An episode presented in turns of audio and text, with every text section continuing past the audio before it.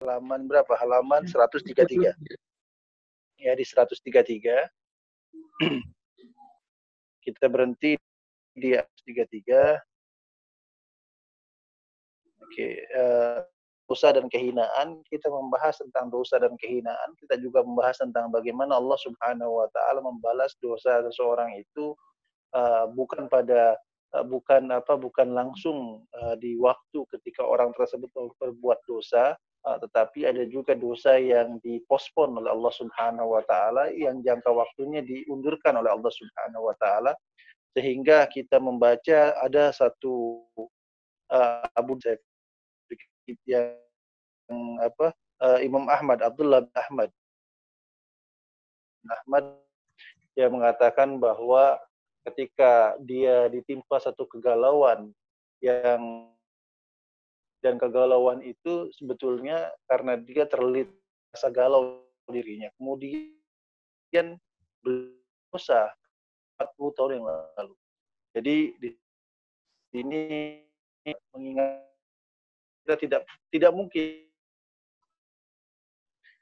Dan satu yang harus kita ingat bahwa uh, dosa kita itu kitab-kitab amalan kita itu muncul atau adalah seorang mukallaf. Jadi kalau balik kita umur 13 tahun atau umur 14 atau umur 15 tahun atau mungkin lebih muda itu, nah berarti buku amalan kita sudah ada.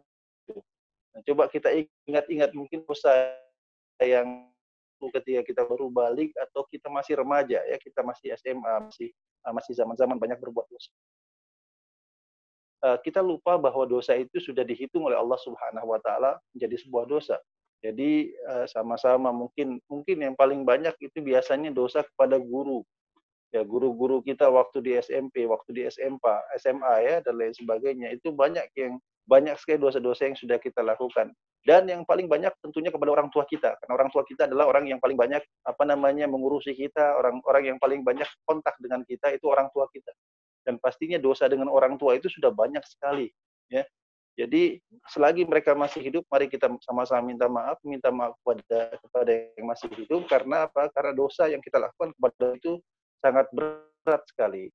Karena tidak cukup dengan istighfar, tidak cukup dengan minta ampun, ya Adapun dosa kita dengan Allah Subhanahu wa taala justru bertobatnya lebih ya kita ini agak mengakui pengakuan dosa. Kecuali apabila dosanya sama buat dosa tadi, kemudian kita akui perbuatan kita kepada dia ini pun dosa yang di, yang diakui oleh Islam. Ya, tetapi lebih dari itu agama kita tidak mengenal pengakuan dosa sebagai main. Kalau agama Katolik kita harus masuk apa? Gereja kemudian mengaku kepada rahib kepada pendeta bahwa kita telah berbuat ini, itu, dan lain sebagainya. Kalau dalam agama kita, kalau kita sudah berbuat dosa 20 tahun yang lalu, bahkan kemarin ya, entah itu 20 tahun yang lalu atau 20 hari yang lalu, yang harus kita lakukan adalah bertobat kepada Allah Subhanahu wa taala dan jangan mengulang-ulang itu lagi dan jangan menceritakan kepada orang lain. Justru Islam adalah agama ya, agama yang sangat memperhatikan apa murwah ya marwah manusia perhatikan apa harga diri manusia. Karena dosa itu adalah uh, suatu hal yang merusak marwah seseorang. Ya, jadi catatan kelam seseorang itu tidak perlu dilihat diperlihatkan kepada orang lain lagi kecuali kita ingin menghalalkan apa yang telah kita lakukan kepada orang yang telah kita zalimi baru kita berbicara kepada orang tersebut ya, jadi alhamdulillah uh, atas hidayah yang Allah berikan kita orang-orang mukmin, orang-orang muslim bahwa dalam agama kita tidak ada pengakuan dosa. Jadi bayangin kalau kita ada pengakuan dosa itu malu sekali mungkin. Dosa kita banyak sekali di dalam Allah Subhanahu wa taala. Ya, jadi dosa antara manusia dengan manusia itu yang paling penting sekarang ini. Karena kita nggak tahu umur itu sampai kapan. Jadi minta maaf, minta dihalalkan apa yang telah kita lakukan kepada orang lain. Ya, karena kita nggak tahu sampai kapan kita akan bertemu kepada dengan dengan dengan orang lain, dengan orang yang kita telah zalimi, telah kita berbuat dosa kepadanya. Ya, itu dosa yang paling susah untuk apa? Paling susah untuk bertobat darinya. Nah, padahal yang paling ringan kita lakukan. Yang contoh yang paling kecil adalah apa? Gibah, namimah dan lain sebagainya. Gibah, gosip ya setiap hari kita gosip orang. Itu hal yang paling ringan kita ucapkan. Tetapi kita lupa bahwa ada konsekuensi dari dosa.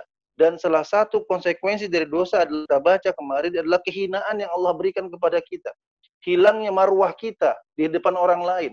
Ya, kemudian juga apa namanya uh, di di akhir dari dari bagian dari pembahasan ini kita bacakan di sini dari uh, apa namanya sampai apa sampai sampai kegalauan dalam hati kita. Karena apa? Karena dosa.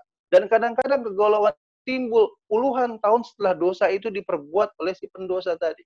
Nah, jadi inilah uh, kita ingat uh, dari hadis Rasulullah SAW ya bahwa uh, barang apa hal-hal yang dulu dianggap berat di zaman Rasulullah SAW ya bagi kita dianggap remeh uh, ya bagi kita banyak sekali hal-hal yang dianggap remeh kemudian pada zaman Rasulullah SAW dianggap sebagai al-mubiqat sebagai benda apa sebagai hal-hal yang bisa menjerumuskan orang pada api neraka Aliyadzubillah, a'udzubillah, bermohon kita ke, apa ampunan uh, mohon perlindungan dari Allah Subhanahu wa taala.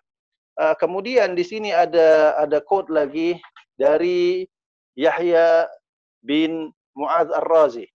Yahya bin Muadz Ar-Razi, "Ajibtu min dhi aqlin yaqul fi du'a Allahumma la tushmit bil a'da wa huwa yushmit nafsahu kullu aduwin lahu."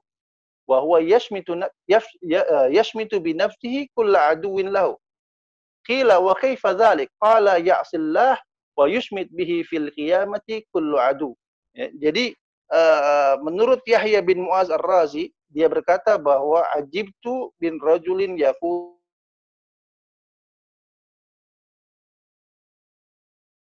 fi doa ada ini doa yang dibacakan apabila kita merasa bahwa ada orang-orang lain yang membenci kita ya ada musuh-musuh kita musuh ya ataupun entah itu musuh musuh uh, orang-orang kafir atau orang-orang fasik dan lain sebagainya musuh-musuh kita kemudian kita berkata kita meminta kepada Allah Allahumma la tusmit bial a'da. Ya Allah janganlah engkau gembirakan musuh-musuhku. Kenapa musuh-musuh kita kita gembira? Kalau mereka melihat kita terpuruk.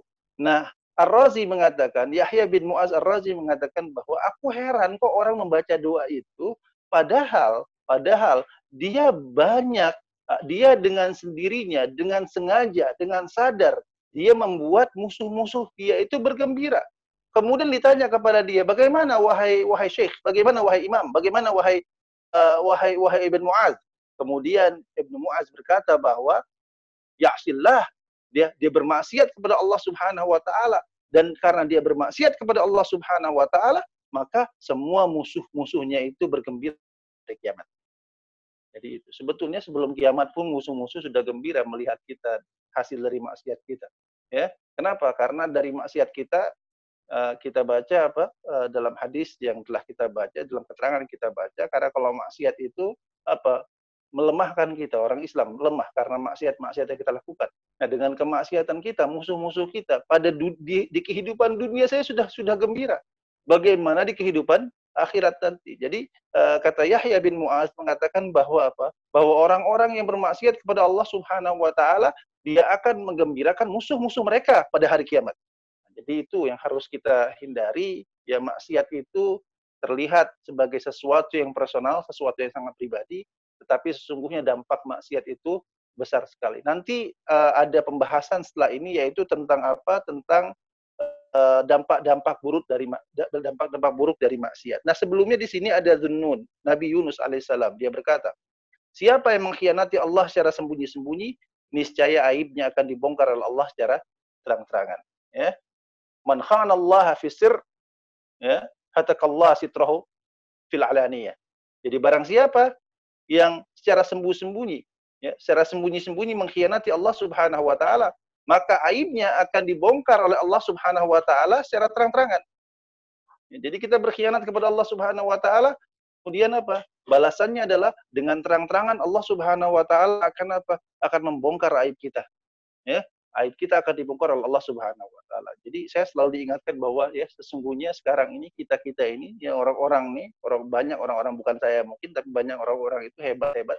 Itu mereka hebat itu bukan karena mereka hebat, mereka hebat itu mereka outstanding bukan karena mereka outstanding. Kenapa mereka outstanding? Karena aibnya belum dibuka oleh Allah Subhanahu wa Nih kalau aib-aib kita sudah dibuka oleh Allah Subhanahu wa taala, setiap orang melihat aibnya, ya aib kawannya, maka sudah tidak ada harganya lagi kita ini depan orang lain.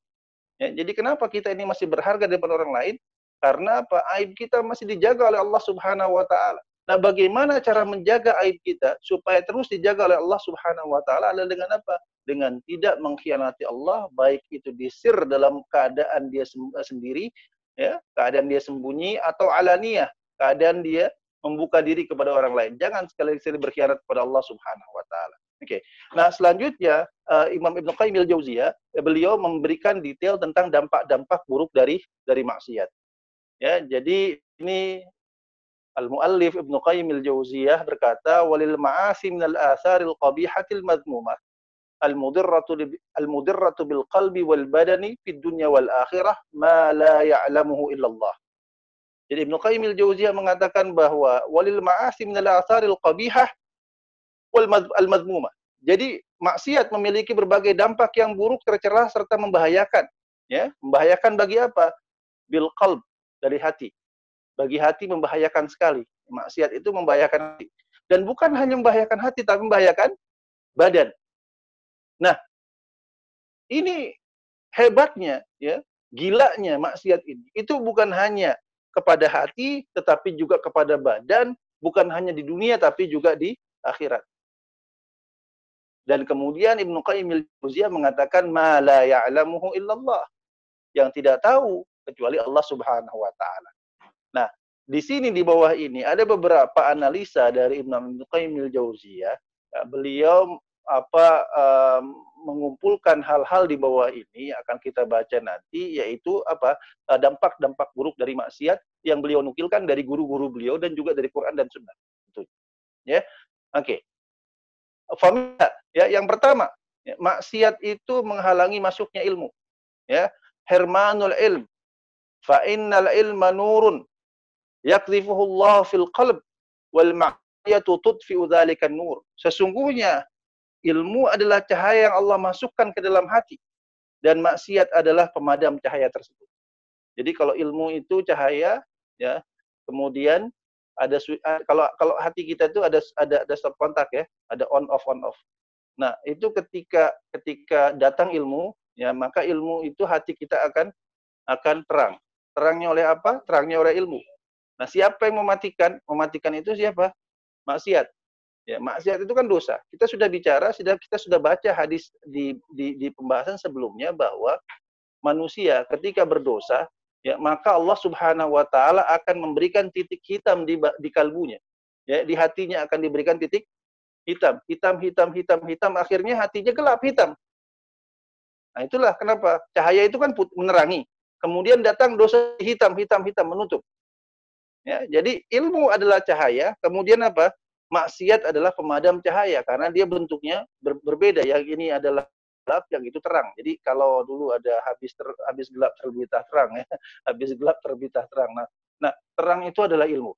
Kegelapan itu adalah mak maksiat. Nah, ini uh, ini ada satu kisah yang yang sangat sangat masyhur ya dulu ketika kita di pesantren kita saya pernah pesantren kemudian ada yang pernah belajar di uh, para ustadz, para doa, ya banyak menceritakan cerita tentang apa tentang Imam Syafi'i. Ya, jadi suatu hari Imam Syafi'i ya ada duduk di antara uh, di depan Malik bin Anas. Jadi uh, Imam Malik ya Imam Malik ini adalah guru dari Imam Imam Syafi'i.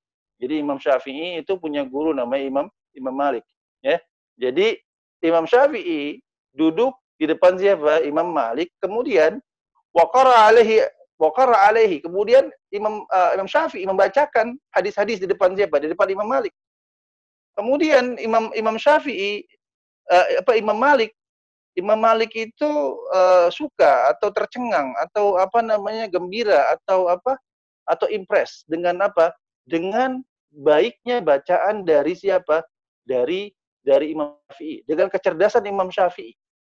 Ya, dengan kecerdasan kecerdasan Imam Syafi'i dan kesempurnaan pemahaman dari Imam Imam Syafi'i. Ya. Kemudian dia berkata, Inni arallaha qad alqa ala qalbika nuran.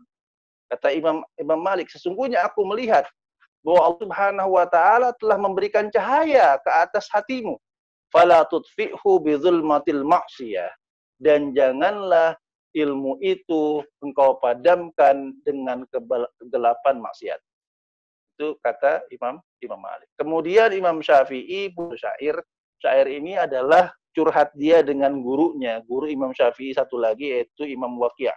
Ya, dikatakan Imam Waqiyah dikatakan bahwa Imam Syafi'i berkata syakautu ila waqi'in su'a hifzi fa arsyadani ila tarkil ma'asi uh, Imam Syafi'i merasa bahwa hafalannya itu kok susah, makin lama makin susah gitu loh, makin makin makin lambat dia dia menghafal ilmu-ilmu, menghafal ayat-ayat, menghafal apa namanya? Bukan ayat ya, menghafal hadis-hadis baru karena ayat Imam Syafi'i sudah hafal Quran semenjak kecil ya.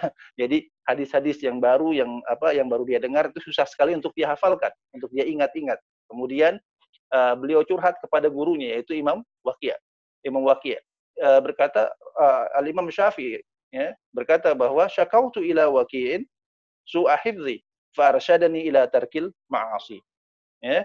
Uh, aku mengadu kepada waki tentang buruknya hafalanku fa arsyadani ila tarkil ma'asi. Kemudian waki guruku menasihatiku untuk meninggalkan kemaksiatan. Nah, jadi ada ada satu ada satu apa satu uh, rel, uh, apa relationship ya ada satu uh, hubungan antara apa antara maksiat dengan lupa. Kemaksiatan dengan lupa. Kemaksiatan dengan susahnya paham. Kemaksiatan dengan susahnya mengingat. Ya, jadi karena maksiat maka dia akan banyak lupa dan susah untuk mengingat ilmu. Ya. Kemudian waqala a'lam bi annal ilma fadlu. Dalam dalam riwayat lain waqala bi annal ilma nurun wa nurullahi la yuhdalil asi. Tapi dalam dalam dalam dalam riwayat ini katakan bahwa wa qala a'lam bi annal ilma wa qala a'lam bi annal fadlun. Ya, dan dia berkata, ketahuilah i'lam bi annal ilma fadlun. Sesungguhnya ilmu itu adalah karunia. Wa fadlullahi la yu'tahu asin. Dan karunia itu, karunia Allah itu tidak akan diberikan kepada orang yang bermaksiat. Jadi ilmu itu adalah karunia. Dan karunia Allah itu tidak diberikan kepada orang yang bermaksiat. Apalagi kalau ilmunya adalah ilmu yang berkaitan dengan dengan agama, ilmu yang berkaitan dengan hidayah kepada Allah Subhanahu wa taala. Ya. Dan banyak yang bertanya, lah bagaimana dengan orang-orang yang non muslim itu ilmunya tinggi-tinggi. Ya, ilmunya kok tinggi-tinggi, kok bisa dia maksiat tiap hari gitu Dia minum uh, minuman uh, keras tiap hari, kok dia pinter-pinter dan lain sebagainya.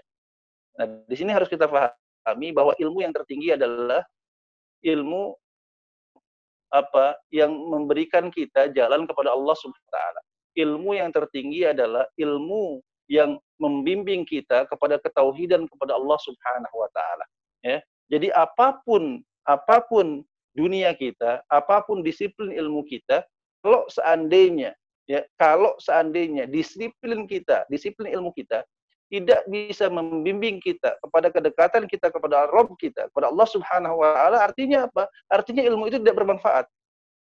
Artinya ilmu itu tidak sampai kepada kepada ruh ya, kepada kepada substansi ilmu itu sendiri. Ya, karena ilmu itu apa? Ilmu itu karunia Allah Subhanahu wa taala. Artinya apabila dia berilmu, ya, dia akan banyak mendapatkan huda, mendapatkan petunjuk dari Allah Subhanahu wa taala. Ah, kita banyak saintis-saintis yang masuk Islam karena karena mendapatkan petunjuk, ya, menunjuk dari ilmunya. Nah, itu berarti ilmunya bermanfaat, ya. Ah, berarti ilmunya bermanfaat. Nah, apalagi kalau seandainya seseorang belajar ilmu yang berkaitan dengan Islam, dengan dengan dengan Quran, dengan sunnah, dengan hadis dan lain sebagainya. Ya, jadi menghafal hadis itu, menghafal Quran itu jangan main-main. Menghafal Quran itu nggak boleh bermaksiat. Ya. Menghafal itu tidak boleh bermaksiat. Orang yang belajar agama itu harus jauh dari dari maksiat. Kenapa? Kalau dia semakin dekat dengan maksiat, maka semakin banyak dia lupa akan ilmu-ilmu yang dia pelajari.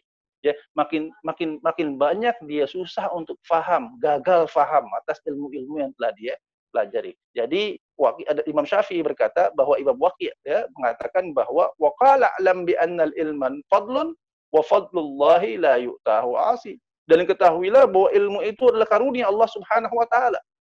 Dan karunia Allah Subhanahu wa taala tidak diberikan kepada orang yang bermaksiat. Ya, apalagi ilmunya berkaitan dengan agama. Wa may yuridillahu bi khairan yufaqihu fid din. Barang siapa yang Allah inginkan orang itu kebaikan kepadanya, maka yufaqihu fid din. Maka Allah Subhanahu wa taala akan memberikan dia ilmu agama. Maka Allah Subhanahu wa taala akan memberikan dia kepahaman atas agama. Ya, Ini ilmu agama ini ilmu yang paling uh, krim de la krim sebetulnya. Cuman ya itu dia ilmu agama banyak di ba banyak di, dipandang sebelah mata.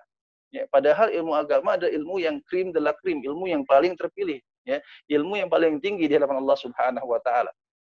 Bayang orang yang memilih untuk belajar ilmu agama itu oleh Allah Subhanahu wa taala diberikan dispensasi. Dispensasinya apa? Tidak ikut jihad. Ya, boleh tidak ikut jihad. Kata Allah, "Falaula nafara min kulli firqatin minhum ta'ifatun yatafaqahu fid din." Ya, kalaulah seandainya ada rombongan lain untuk berjihad, ya maka biarkanlah satu kelompok manusia di antara kalian untuk apa? Liyatafaqahu fiddin, untuk mencari ilmu agama. Nah, itu dia ilmu agama itu adalah karunia yang Allah berikan kepada kita. Nah, sekali lagi adapun ilmu-ilmu lain tujuannya sama yaitu apa? Untuk menemukan hidayah dan petunjuk Allah Subhanahu wa taala untuk mendekatkan diri kita kepada Allah Subhanahu wa taala. Ya, itulah kita lihat sekarang alhamdulillah sudah banyak sekali ya banyak dokter-dokter itu yang lebih yang lebih alim, dokter-dokter yang lebih yang lebih apa yang lebih uh, lurus jalannya, dokter-dokter yang yang bahkan menemukan Islam dari kedokteran yang dia pelajari. Kenapa? Karena semakin betul ilmu yang dia pelajari, semakin betul akhlak dia, semakin sedikit apa maksiat dia, maka semakin dekat dia dengan petunjuk Allah Subhanahu wa taala. Jadi itu ya. Itu yang pertama. Yang kedua, yang kedua, maksiat itu menghalangi datangnya rezeki. Ini sudah kita bahas sebelumnya. Ya, Herman rizq ya. Jadi Herman rizq.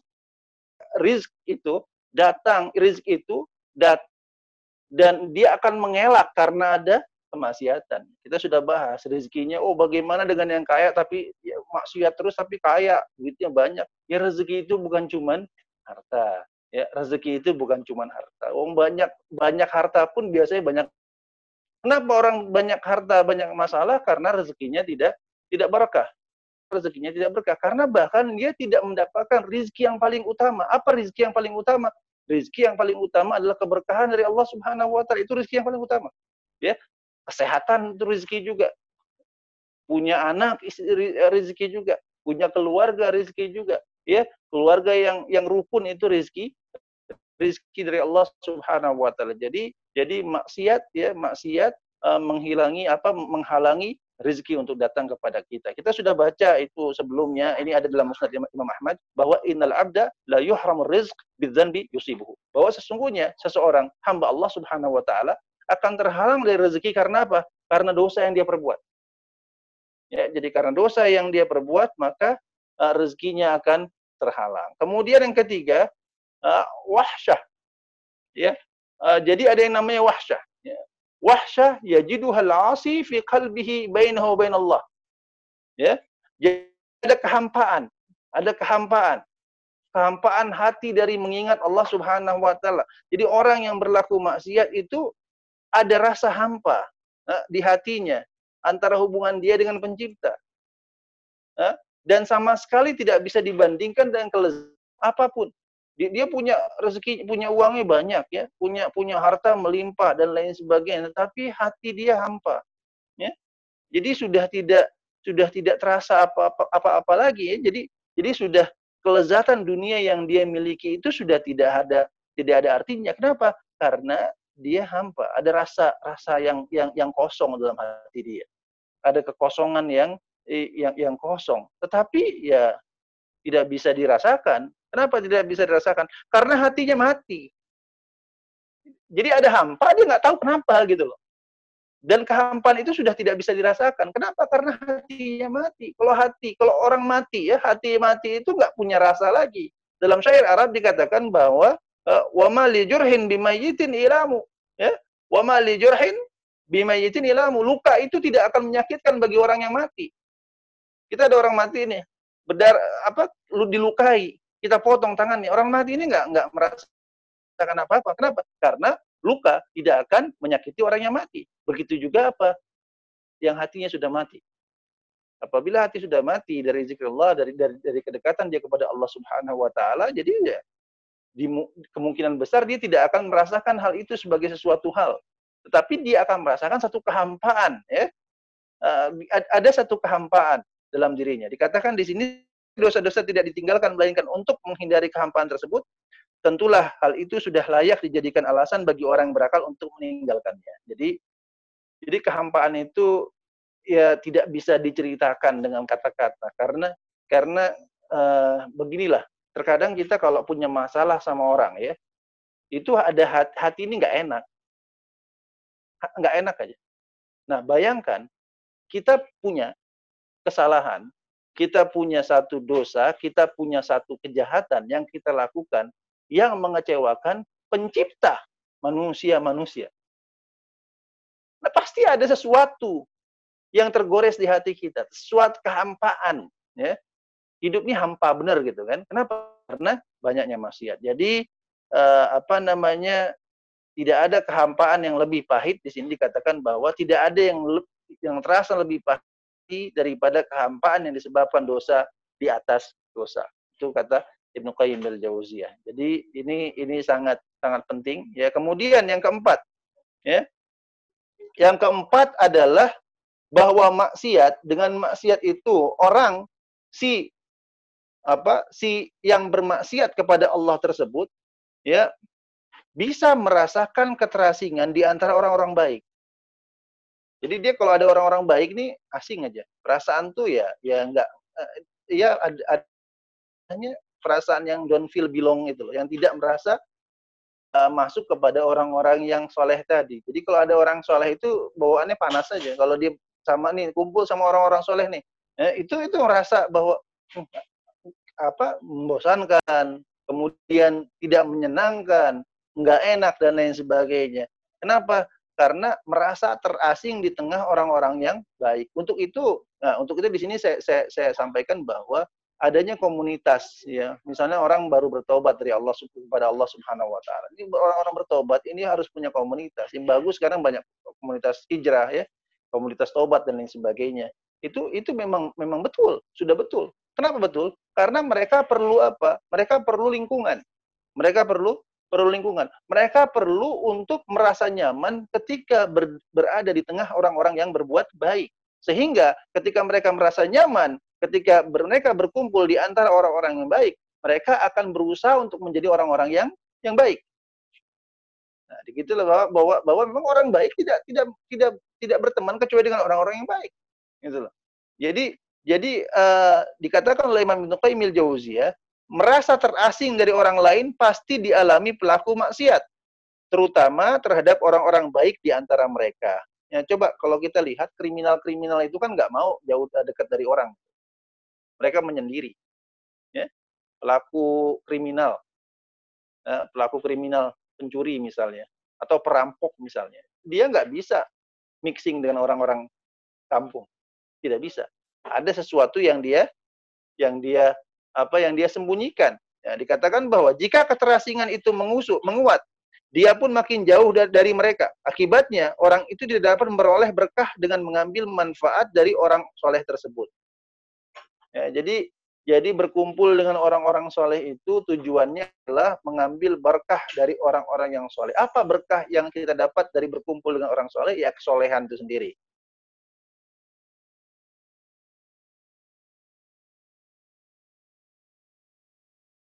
Berkahnya baiknya itu sendiri. Karena kesolehan, kebaikan itu perlu lingkungan, perlu milieu namanya. Dalam pendidikan dikatakan sebagai milieu, ya lingkungan. Nah, kalau lingkungannya adalah orang-orang yang soleh, maka sangat mudah kita untuk berbuat amal-amal soleh.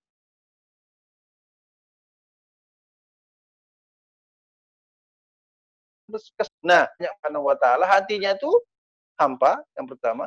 Kemudian hatinya itu sudah mayit, ya.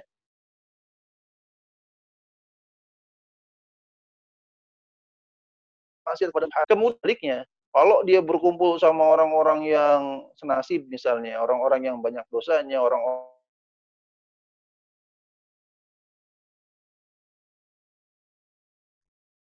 hidup di dunia yang gemerlap dan eh, itu mereka merasa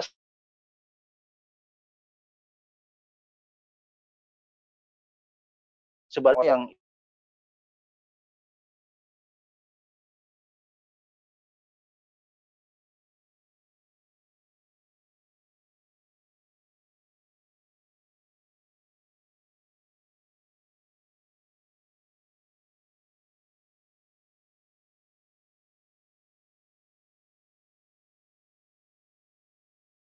masjid misalnya atau di tempat yang segar yang orang-orang baik semua nggak mau tapi berkumpul dengan orang-orang yang ber, berbuat kemaksiatan di tempat bermaksiat ya.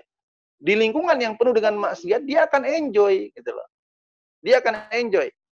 Nah, bahkan uh, kalau Syekh Abdul Razak Al-Abad mengatakan bahwa ini salah satu indikasi ya. Indikasinya adalah uh, kita nggak mau mendengarkan orang-orang baik berbicara. Orang yang sudah banyak maksiat, semakin banyak maksiat, dia semakin suka untuk menghiburan.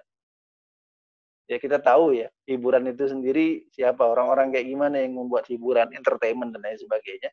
Jadi hatinya akan harus akan haus dengan entertainment. hatinya haus dengan entertainment. Kalau ada tausiah, tausiah di skip. Ada tausiah, ada tilawah dan lain sebagainya akan dia skip, skip dan skip. Kenapa skip? Karena karena semakin banyak dia maksiat, maka akan ada penolakan dari hatinya untuk apa? Keterasingan untuk duduk bersama, berkumpul bersama orang-orang yang orang-orang yang soleh. Ya, jadi dikatakan oleh Ibnu Qayyim Jauziyah bahkan beliau mengatakan ini sangat eksplisit sekali pelaku maksiat ini semakin dekat dengan hizbus syaitan ya dengan hizbun hizbus syaitan itu apa golongan syaitan kalau dalam politik hizb itu artinya partai jadi Hizbus Syaitan itu partainya setan, ya, golongannya setan. Ya. Dan sesuai dengan kadar jauhnya, dia akan jauh dari mana? Dari Hizbur Rahman, golongan Allah. Di dunia ini ada dua. Hizbur Rahman, nah, kalau saya katakan Hizbul bagus juga dia katakan Hizbur Rahman, bukan Hizbullah. Karena kalau Hizbullah ini apa konotasinya nggak bagus ya. Hizbullah konotasinya dengan dengan dengan dengan Lebanon ya. Semoga Allah Subhanahu wa taala mengampuni orang-orang yang memberikan rahmatnya pada korban-korban ledakan di Lebanon oleh Allah Subhanahu wa taala dengan ledakan uh, dua hari lalu. Itu keras sekali, banyak yang meninggal di situ, banyak korban orang-orang yang tak berdosa ya, orang muslim. Uh, apa namanya? saudara kita satu akidah. Nah, kalau kalau kita pakai bagus juga ini Imam Ibnu Qayyim al-Jauziyah mengatakan Hizbur Rahman bukan Hizbullah.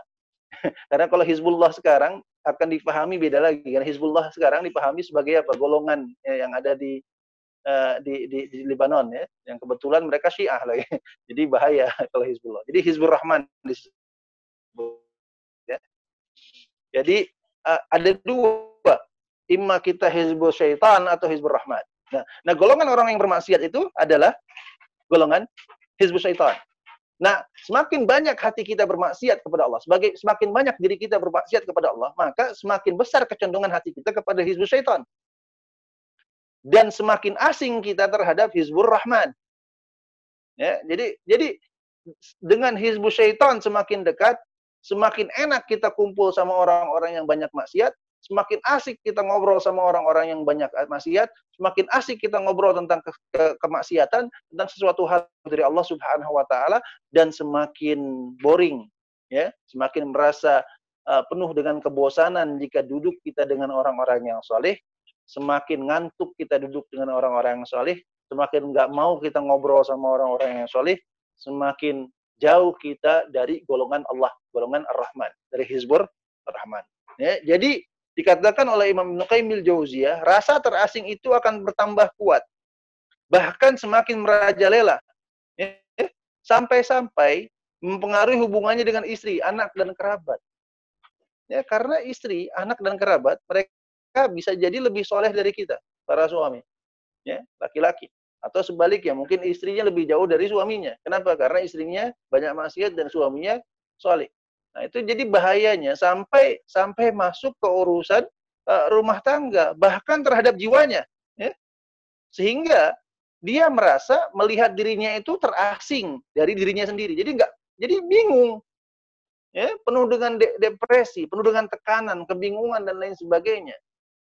Ini ini saya nggak tahu konteksnya dalam ilmu dalam ilmu jiwa ya. Mungkin uh, apa namanya ada konteks yang bisa di uh, bisa menjelaskan ini bahwa ada satu fase di mana manusia merasa diri dia asing dari dirinya sendiri. Nggak jelas ke mana. Kenapa? Karena dosa. Karena maksiat.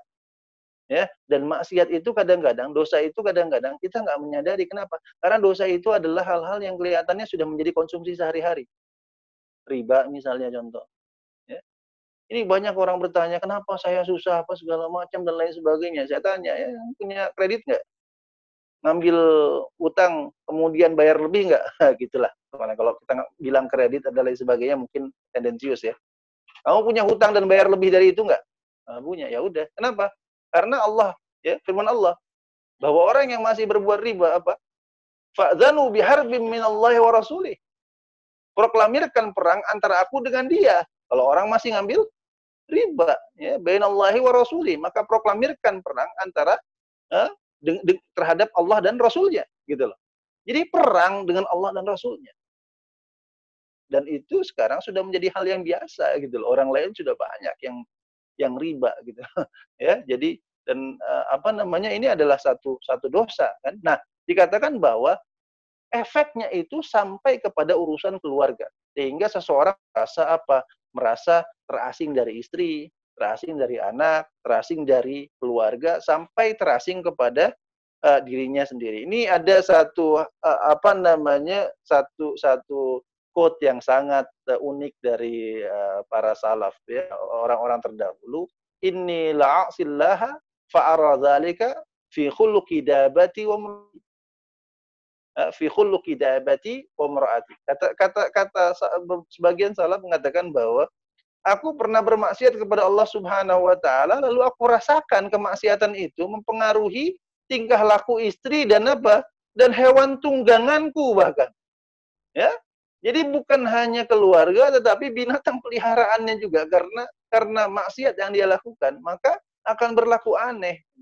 Nah, ini adalah bagian dari apa? Keterasingan jiwa karena berbuat mas. Kita tutup uh, kajian kita pada malam hari ini. Kita berhenti dulu di bagian ini. Insya Allah kita akan teruskan uh, besok malam. Insya Allah mari sama-sama kita berdoa kepada Allah Subhanahu Wa Taala.